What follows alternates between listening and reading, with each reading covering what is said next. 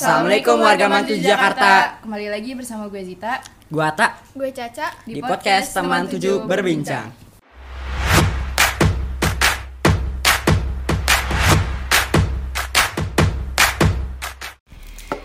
Jadi di episode kali ini gue nggak bareng sama Ata Caca, tapi sama beberapa teman-teman gue. Ada Sikai.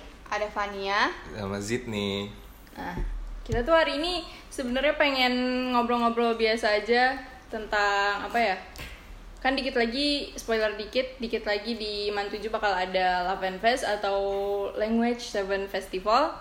Ada beberapa lomba juga di situ. Nah, kita pengen apa ya? Kasih kayak know how gitu aja sih. Eh, how we first learn English gitu. Mulai dari siapa mungkin Fania atau Zidni. Lo pertama tuh nih kan kita buka eh, English is not our native language jadi iya benar ya jadi gimana gimana gimana gimana how did you learn it?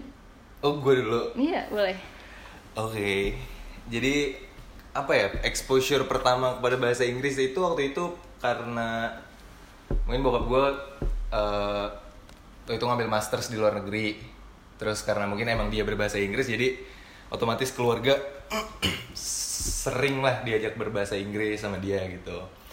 Kemudian gue lahir tahun 2000 itu tahun berapa ya? Tahun 9 98 kali bokap gue tuh kuliah di luar negeri. Dan gue lahir tahun 2004 kita berangkat lagi bareng-bareng sekeluarga tinggal di Afrika Selatan di Cape Town. Nah di situ gue sebagai seorang bayi kayak expose lagi ke bahasa Inggris gitu Jadi terbiasa. jadi jadi bukan terbiasa kali ya karena gue masih bayi cuma gue mulai ah, mungkin di pikiran bayi Zidni tuh kayak ini apa ya? Wah gitu. Oh ternyata ini bahasa Inggris. Ketika gue balik ke Indo terus mulai bisa bicara mulai bisa memproses apa kata-kata orang segala macam. Terus ternyata oh ini bahasa Inggris. Terus nggak tahu tiba-tiba karena pengalaman pernah tinggal di luar negeri itu jadi kayak mungkin bisa dibilang auto bisa kali ya berbicara gitu. Kalau writing atau nulis segala macamnya nggak nggak jago. Cuma kalau berbahasa Inggrisnya gitu aja. Tiba-tiba mungkin itu jadi trigger gitu. Oh kalau orang ngomong bahasa Inggris tiba-tiba kok gue ngerti gitu. Nah begitu sih. Tapi lo ada itu gak sih learning tips gitu buat orang-orang yang pengen belajar mungkin? Kayak Uh, learning tips dari gue apa ya gue kayak expose bahasa Inggris di umur yang sangat uh, muda gitu masih masih eh, baik how do you maintain it? Kan lo kenal pas masih muda banget. Terus eh, pas lo udah gede gimana lo bisa maintain eh, lo mempertahankan bahasa itu jadi language lo sehari-hari atau gimana gitu-gitu? Iya, karena gue kayak expose dari umur yang kecil. Terus mungkin karena YouTube dan sosial media sih kalau gue pribadi. Iya, Da- sih. terus Benar kayak sih. mungkin karena YouTube dan uh, video-video yang gue tonton itu berbahasa Inggris, beraksen, aksennya juga aksen orang Amerika gitu. Hmm. Jadi ya gue dapet influences kayak kata-kata yang digunakan apa diksi-diksi yang digunakan tuh Amerika banget. Terus mungkin aksennya juga bisa dibilang Amerika banget gitu dan untuk memaintain ya gitu aja sih. Dan eh kalau gue pribadi tuh suka ini kalau lagi mikir sendiri gitu lu denger suara kecil di kepala tuh pakai bahasa Inggris aja Hmm, benar benar benar. gitu Asli asli benar Gitu keren sih, keren sih. Gue juga suka gitu soalnya. ya gitu aja sih sama ya kalau lu sama temen nggak apa-apa lah sok-sok kalau dibilang jaksel gitu itu kan Mix mix. iya itu kan jadi prakteknya sekaligus latihan gitu Kalau lo kan? Gue gue kalau gue sih iya sih dari dari kecil gue tapi nggak nggak kayak Zidni yang tinggal di luar negeri. Gue keluarga gue emang terbiasa aja dari dulu. Maksudnya gimana ya ngomong maksudnya dari dari dari dulu tuh udah terbiasa karena pendidikannya juga saudara-saudara gue juga dididik dengan eh, Fania dulu TK-nya di high scope soalnya. Ngaco ngaco Kau Cika. Gak, sorry, sorry, lanjut Iya jadi sudah terpapar bahasa Inggris juga dari kecil. Walaupun gua nggak bagus-bagus banget tapi eh, karena itu sehari-hari jadi mau nggak mau gue mengadapt untuk itu kan. Dan dan gue tuh juga belajar seperti jadi nih gue belajarnya dari ini dari YouTube dari film-film. Dulu itu dulu itu gue nonton Disney Channel Disney Channel apa namanya Cartoon Network gitu-gitu tuh nggak ada subtitle kan? Iya, jadi iya. mau nggak mau lu terpaksa untuk mengerti itu. Kayak jadi terbiasa aja gue Eh, dengan itu. gue setuju sih kalau masalah subtitle kayak gitu. Soalnya ya eh, biasanya kan orang Indo tuh nontonnya selalu yang kayak dubbingnya gitu loh. Padahal iya benar. dengan misalnya kita nonton Doraemon it's in Japanese eh, kita bisa nonton dengan subtitle Inggris dan kita sekaligus belajar dua language gitu. Betul. Eh, kalau dubbing kita cuma ngulang-ulang bahasa yang kita omongin tiap hari aja gitu. Jadi kayak tapi itu susah juga sih karena kalau dubbing itu kan biasanya ditampilkannya di TV nasional kan. Kalau Disney Channel kok apa Kobo Junior kan tuh. Cartoon Network Disney Junior dan lain-lain. Nickelodeon gitu-gitu kan ini kan maksudnya emang TV luar gitu. Hmm. dan gak semua orang mempunyai itu kan mempunyai stasiun TV itu. Jadi gitu sih gue nggak tahu bisa dibilang uh, beruntung atau enggak ya beruntung sih nggak sih? Bisa Iya. punya itu bisa dari bisa nonton Disney dari, dari kecil, kecil, Iya, itu karena semua orang kayak gitu. Cara maintainnya ya kalau gue ya setiap hari make nggak sih? Kayak dipakai mikir dipakai nulis dipakai nonton. Sampai akhirnya udah kebiasa nu, apa nonton nggak pakai subtitle lagi atau ngomong udah nggak pakai mikir ya gitu gitu deh. Yes benar oh iya. Netflix tuh Netflix ada subtitle Indonesia nya kan? Iya. ada. Nah, ini kan gue tahu nih anak-anak muda angkatan gue sekarang banyak yang punya akun Netflix. Kalau nonton Netflix nggak usah pakai subtitle. iya kalau Eh, pakai gue subtitle lebih dikurangin sih. subtitle bahasa Inggris, Inggris, yes. iya. Gue Ya, itu juga, lebih, ah, lebih, lebih tepat paham begitu lah. Dan kalau gue, ntar gue mau nambah lagi dikit. Kalau ini, misalnya nonton film atau nonton berita atau baca berita, gue suka baca Jakarta Post kadang-kadang. Itu kalau ada eh, apa namanya kosakata yang nggak dimengerti, langsung gue Google biasanya. Biar Iya, gue itu tahu. sih. Itu membantu sih. Tulis tulis kayak Iya iya iya. gitu kan ya kan. Gue males nulis tapi ya gitulah boleh. iya reading also helps sih reading pakai bahasa Inggris Sesuai passion aja nggak sih sebenarnya? Hmm, hmm. karena gue hobi banget nonton jadi gue fokusin untuk ke nonton Nonton, yes. Jadi gue pengen nanya juga deh, why gitu loh. Kenapa kalian apa eh mempelajari Inggris bahasa Inggris gitu dengan lebih dalam? Eh, Eh, kalau gue sih karena dulu kalau misalnya Zidni sama Vania itu kan istilahnya keluarganya udah make Inggris sehari-hari ya. Kalau gue bisa dibilang lebih banyak Indonesianya dari keluarga gue. Tapi gue anaknya dari kecil ambisius parah. Itu sih yang merupakan kelebihan dan jadi kekurangan juga buat gue. Gue nggak mau gue kalah sama orang lain. Akibatnya ya gue harus bisa gimana pun juga. Dan karena hobi gue juga belajar, gue suka banget belajar. Wadaw. Jadi ya udah tiap hari ya belajar. Kalau misalnya lu lebih ke passion, passion gue karena adanya di musik, terus baca buku dan sebagainya, gue pelajarin musik-musik yang sekiranya kalimatnya bagus gitu. Terus bisa gue pakai lagi atau gue baca buku karena gue ya lagi-lagi gue suka belajar. Jadi kayak gitu. Atau mungkin nih buat anak-anak IPA kayak misalnya suka biologi, kalian bisa banget beli buku Campbell. Itu pembahasannya banyak banget.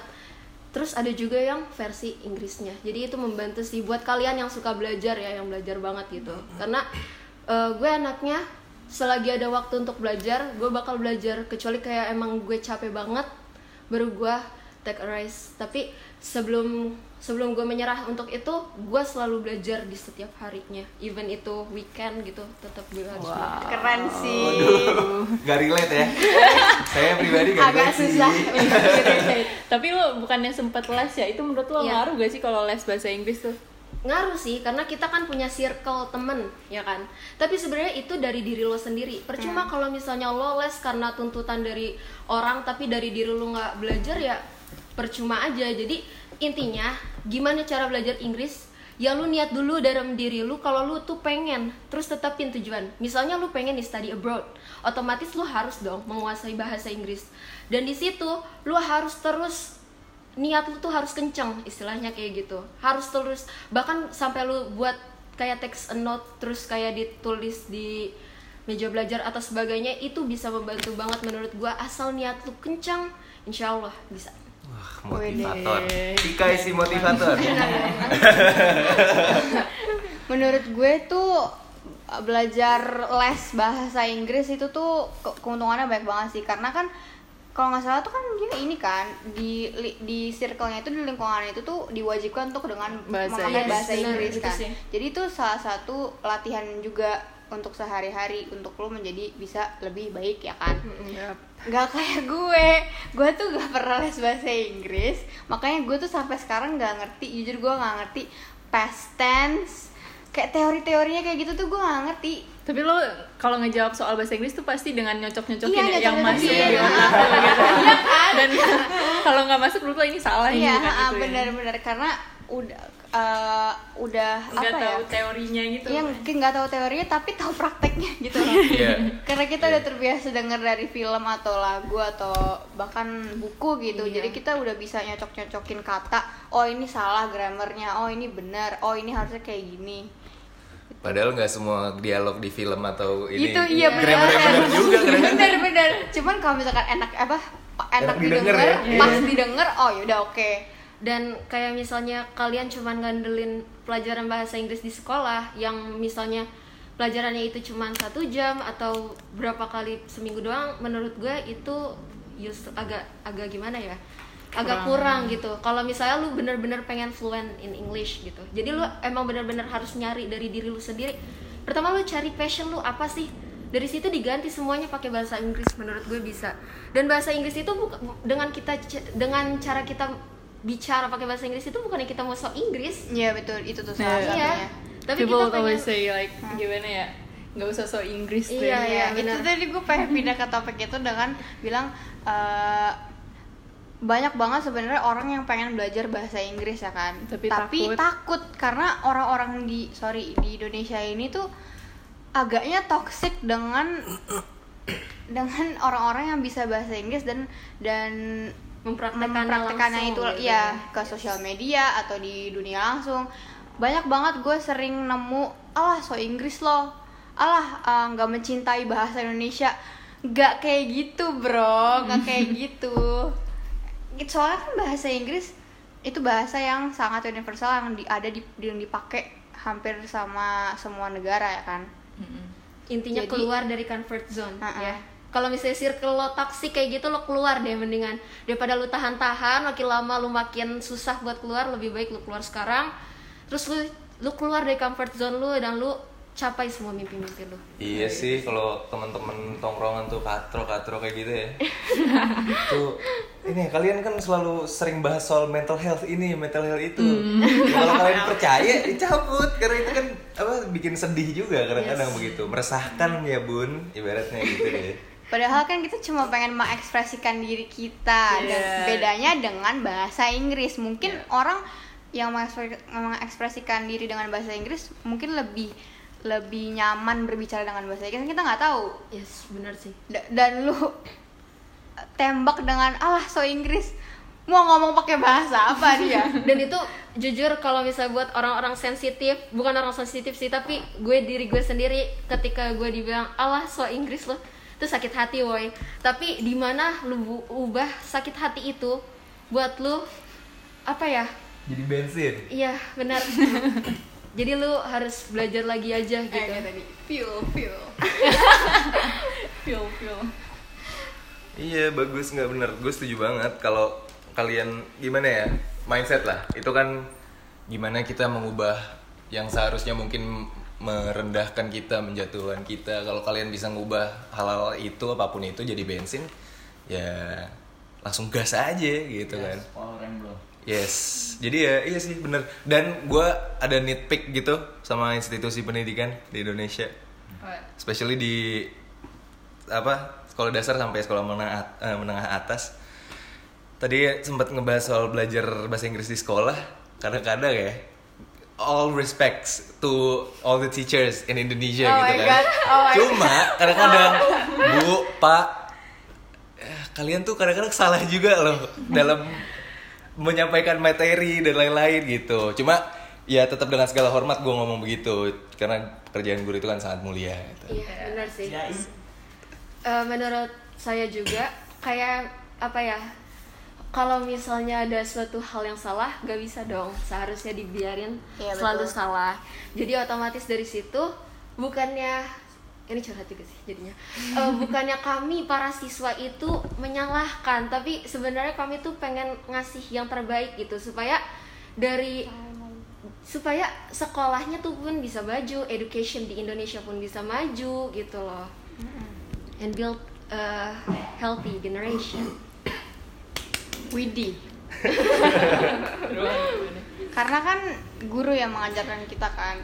Dengan kalau misalkan kita mempunyai guru yang mempunyai guru yang mengajarkan kita bahasa Inggris dengan tepat dengan caranya yang eh, extraordinary gitu misalkan itu asik sih harus asik Iya, ya. ad- apalagi dengan uh, cara yang asik, pasti anak-anak murid tuh pasti bakal lebih tertarik untuk belajar bahasa Inggris kan, dan, dan mereka pasti bakal wah bahasa Inggris tuh berguna nih untuk masa depan gue Yes, gitu misalnya.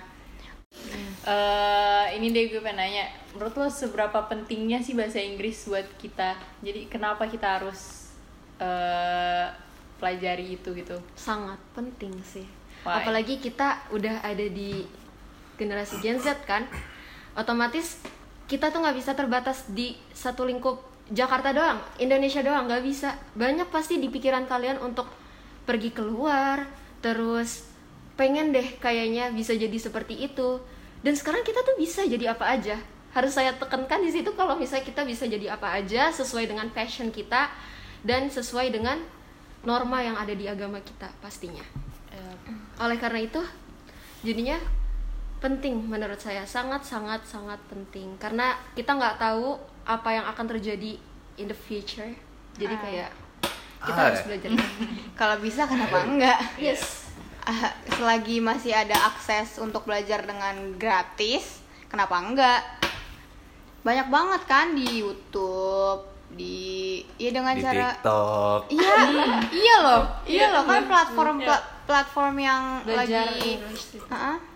TikTok sekarang jadi platform yang gede banget dan itu tuh penuh dengan segala macam konten kan. Salah satunya adalah pembelajaran.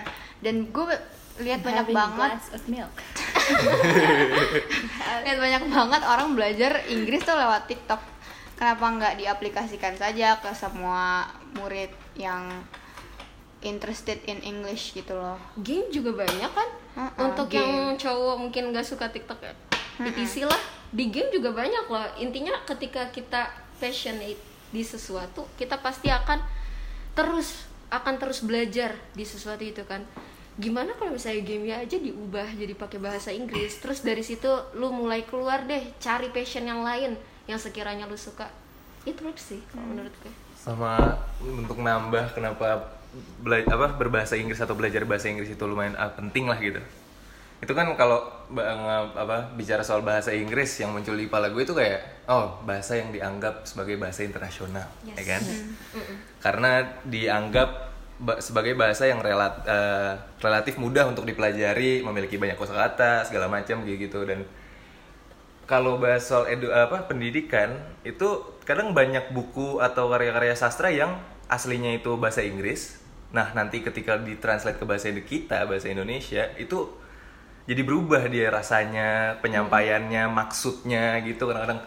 Makanya menurut gue penting di apa di segala aspek lah gitu. Kalau kalian ketemu orang di mana terus ternyata mereka walaupun orang Rusia misal di Bali atau di mana lah terserah cuma mereka bisa bahasa Inggris tapi nggak bisa bahasa Indonesia gitu ya kalian tanggapin aja bahasa Inggris mau kalian belepotan segala macem itu kan itu kan Proses. iya itu kan proses. Mau enjoy the process gitu. Dan kayaknya kalau misalnya orang di luar Indonesia itu uh, untuk kayak speaking kayak yang non formal itu nggak begitu mentingin grammar ya? Maksudnya untuk kayak misalnya kalian masih takut nih takut misalnya ada kata-kata yang salah mereka akan mengerti kok kalau menurut gue.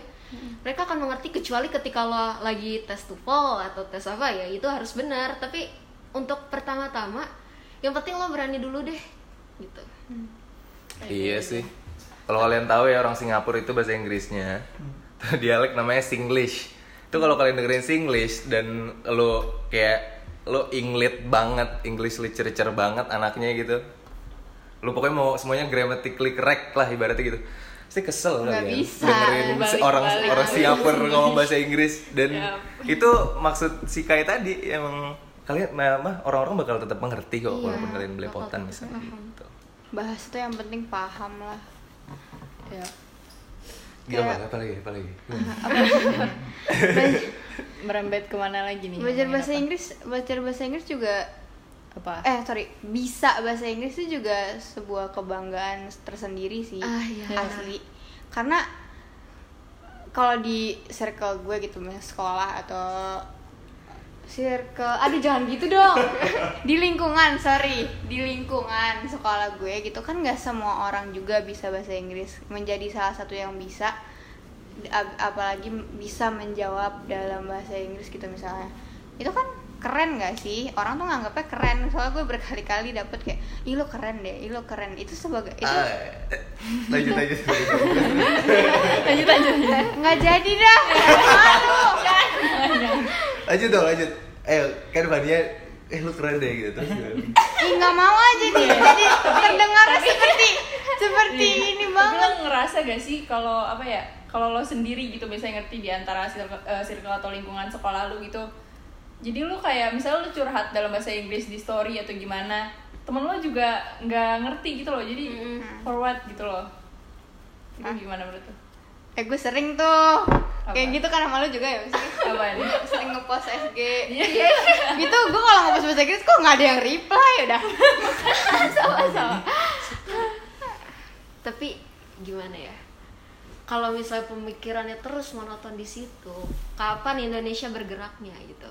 Apalagi tahun depan bukan tahun depan maksudnya tahun-tahun yang akan datang itu Indonesia dipegangnya sama kita. Gimana kualitas sumber daya manusianya itu ada di kita kita sekarang nih jadi ya kalau misalnya kitanya terus dengan berpatokan dengan stigma itu gak akan bisa keluar gak akan bisa jadi Indonesia yang hebat ibaratnya kayak gitu deh Kan? Hmm. bahasa salah satu aspek juga sih selain bisnis bisnis kan lo harus bisa at least bisa bahasa Yes. lain satu nggak sih sepertinya di di setiap jurusan sih. Dan dan eh, apa kalau interview jawab interview gitu kan kayaknya ini deh suka ditanya kan? Yes, Ke- benar. eh, apa anda apakah anda bisa berbahasa Inggris nah gitu. benar. Buat CV sama motivation letter. Apalagi kita udah SMA udah siap-siap nih kira-kira abis SMA mau ngapain? Yang mau kerja siapin CV harus ada minimal berapa lah bahasanya. Terus di situ kalian tulis kalian fluent kah atau apakah yang mau masuk kuliah mau dapat undangan harus nulis motivation letter. Otomatis kalian harus tulis di situ. Poin plus banget sih yes benar benar banget. Apa lagi? Oh meneh? Eh, lanjut ke ini deh. Gimana kayak experience experience lu gitu? Eh, misalnya kayak tentang Inggris kayak lo pernah debat bahasa Inggris atau pernah apa ya lomba yang kayak storytelling gitu-gitu dalam bahasa Inggris itu kan lo bisa sharing experience lo gitu Oke, kalau gue karena pandemi ya, lagi-lagi karena pandemi kalian bisa banget untuk lebih self love dan lebih mengembangkan passion kalian gitu. Semenjak pandemi ini, gue udah pernah jadi dua ambasador di konferensi dunia. Wow Jadi yang pertama, wow sih wow banget jadi kan kalian tahu ya sekarang ada MUN atau Model United Nation. Jadi kayak simulasi Oke. kalian gitu. Nah, gue juga sebenarnya nggak expect bisa masuk ke situ dari Indonesian Youth Network.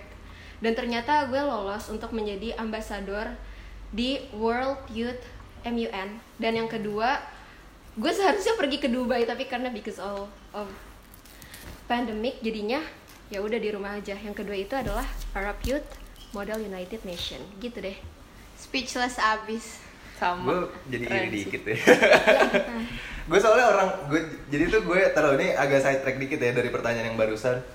Cuma gue gue gue kan orangnya tuh yang agak sebenarnya gampang termotivasi tapi gue males juga gitu. Jadi kayak barusan si kayak ngomong kayak gitu dengan pengalaman-pengalaman yang dialami tuh gue kayak anjir sebenarnya kayaknya gue bisa deh kayak gitu juga. Cuma Iya, saya sedikit males ya. Gitu. Dan eh, kalau pengalaman gue pribadi Dulu pas SMP gue pernah gue pernah apa kompetisi storytelling kalau gue. Kelas 7 tuh kelas 1 SMP gue dipilih jadi salah satu kontestan di salah satu lomba di salah satu sekolah di Jakarta. Terus ternyata gue juara tiga gitu. Dan itu lumayan ya lumayan membanggakan lah. Lumayan ya nggak banget gitu. Cuma ah buat gue itu banget ah. Maksudnya keren lagi. Iya sih, cuma kan pas wah Muhammad Tilman juara tiga, wah senang. Itu kira-kira cuma bertahan sekitar 10 detik. Nah datang Sisanya? detik ke 11 kan, pas detik ke 11 datang tuh gue kayak oh gitu doang ya ternyata. Gitu. doang gitu doang itu doang.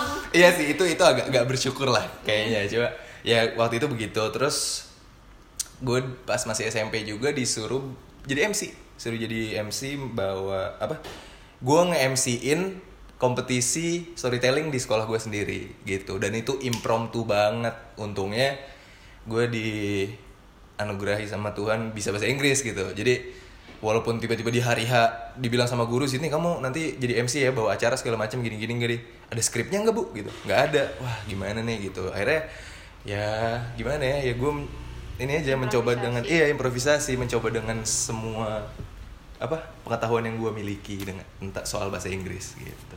Hmm, itu aja sih iya. sama sebenarnya ada lagi sih. Ya, kayak gue ngomong aja dulu ya. nggak apa-apa. pas SMA belum lama tahun kemarin tahun kemarin 2019 eh berarti ya dua tahun lalu ya. 2019 tuh gue masuk kompetisi debat bahasa Inggris di salah satu sekolah internasional di Jakarta. Itu gue main dua kali. Terus jatuh langsung kecemplung gara-gara pokoknya pas skornya keluar itu apa namanya gue cuma beda satu poin sama yang masuk semifinal nah itu kecewa banget di situ gue gitu tapi cukup keren ya guys gitu, keren gitu. banget Tapi Iya. nih ya, eh, lo tadi bilang kan lo pernah lomba storytelling nih. Nah kebetulan nanti di Love and Fest bakal ada lomba storytelling. Mungkin lo ada tips gitu loh buat storytelling yang apa ya? Menurut lo bisa eh, appealing buat juri atau gimana? Eh, eh, untuk melakukan sesuatu hal dengan baik menurut gue itu harus dari hati. Apalagi lo storytelling. Lo harus menjadi eh, pas di atas panggung nanti apa pun ceritanya lo harus membawakan karakter-karakter yang lumayan banyak ini kan nggak cuma satu gitu. Nah maksudnya dari hati itu gimana? Lo harus mendalami banget gitu. Gue anjir gue gue suka banget nih sama cerita ini. Gue bakal membawakan di atas panggung nanti dengan semaksimal mungkin gitu. Misalnya nanti ada karakter si A lu ya lu mendalami tuh dari hati segala macam gitu gitu. Karakter si B karakter si C. Lu harus ekspresif lu harus dari hati harus ya harus serius aja gitu sih kalau gue waktu itu itu sama ini terbata-bata itu ya kalau kompetisi. Itu pasti terjadi nggak apa-apa nggak apa-apa. Kalau kalian cuma terbata-bata terus berhenti mikirin di situ itu kan itu itu kalian cuma menyakiti diri sendiri aja ibaratnya gitu. Gitu sih. Tapi keren sih. Juara dia tuh udah banyak loh dia udah menang banyak. Gue biasa aja biasa aja. gue experience gue dalam kompet berkompetisi dalam bahasa Inggris cuma baru dua doang. Dan itu pun dua-duanya gue belum eh satu gue nggak mendapat gue tuh tuh gue SD SD gue spelling bee. Spelling bee itu bahasa Inggris kan? Mm-mm. spelling bee gue eh, nyaris banget sih. Ini agak disayangkan. Gue dulu spelling bee. Tapi itu tuh nyaris. Gue kalau nggak salah cuma salah cuma cuma salah satu doang. Tapi itu kayaknya ketat banget jadi nggak nggak masuk ke sa- apa namanya salah satu juara gitu ya. Hmm. nggak termasuk ke juara yang yang terakhir. Yang terakhir gue debat lomba debat bahasa Inggris. Tapi pun sampai sekarang gue belum tahu hasilnya gimana. Jadi doakan saja. Fun fact baru tadi pagi guys. Ya. aja. Nggak tahu sih jangan terlalu berekspektasi tinggi lah ya. Eh, eh, that's all gak sih? Ah. Iya kali ya kayak udah dari tadi yang kita omongin gitu udah mencakup semuanya lah kayak the benefits of learning English atau kayak kalau mempraktekkan bahasa Inggris di apa situasi sosial gimana di di ya begitu gitulah. Sorry ya kalau agak ngalor ngidul ataupun kurang jelas. But still it's an honor banget nih ngomong ngobrol sama Iya, buat gue thank you banget soalnya eh, gue eksternal gitu, gue tamu, gue narsum gue, narsum yang nggak pinter-pinter amat gitu. Jadi Tapi gue tadi di tengah-tengah Sika, di tengah-tengah Zidni, aduh gue merasa sangat kecil. Gue mer- ya Allah, ya Allah, ada ini apa namanya ada prestasi. ambasador, ambasador. gila, gila, gila. ini yang di sebelah gue ambasador sebelah kiri gue prestasi bahasa Inggrisnya. Wah lumayan banget ya kan? Terus gue di sini wah. Tapi nggak apa-apa gue nggak boleh mengesakan diri. Kita semua Iya belajar bahasa Inggris. Ini bukan hal yang kita bisa stop belajar. Kita pasti bakal belajar terus ke depannya. Sampai lu tua pun pasti bakal tetap ada hal baru yang kita pelajarin ya kan? Sampai opa-opa. oh wow oh iya belajar bahasa tuh tapi bahasa Inggris. Kenapa sih lanjut gimana sih belajar bahasa tuh? Hmm, Korea Ya, Gak apa-apa. Fania bisa bahasa Korea. enggak Oh enggak. Oh iya, kalau dari tadi tiba-tiba Sika hilang, dia diculik sama alien barusan. Makanya udah mulai nggak jelas podcastnya, kira-kira gitu lah. kalau ada Sika itu kan kayak teratur Iya. terstruktur Iya, dia jago banget berbicara dia. ah, jago gue mesti belajar dari Sika Iya sih. benar Sika Sika itu ya apa ya pengaruh pengaruh yang bisa diberikan sama seorang Sika itu luar biasa menurut gua. Hmm, Gitu. Tinggal kalian pribadinya aja. betul Males apa enggak? iya iya.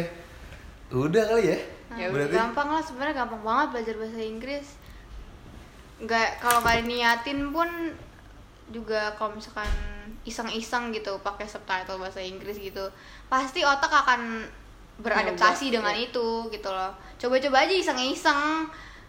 Kayak gitu kayak gitu-gitu ya. Kalau ber apa berhasil kan lumayan ya kan? Oh iya, dan ini gak sih? Kita berada di kayak tahun sekarang dengan perkembangan teknologi ya dan informasi sekarang dan sosial media segala macam itu kita sebagai individu-individu muda atau remaja lah itu udah auto ke expose ke bahasa asing gak sih? Iya. Apalagi bahasa Inggris gitu.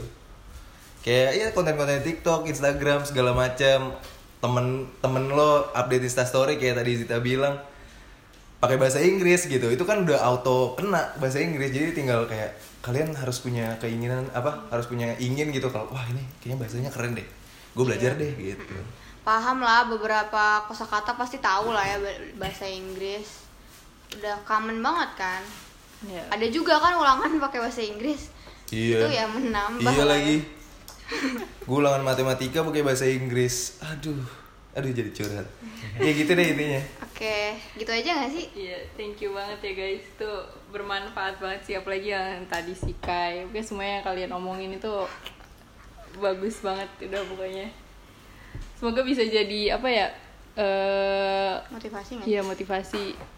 Eh, mungkin juga yang sebelumnya nggak nggak ada niat untuk belajar bahasa Inggris bisa give it a consideration. Jadi apa? Mungkin bisa tertarik buat belajar bahasa Inggris. yes you should Ya. Oke, thank you. bye Bye.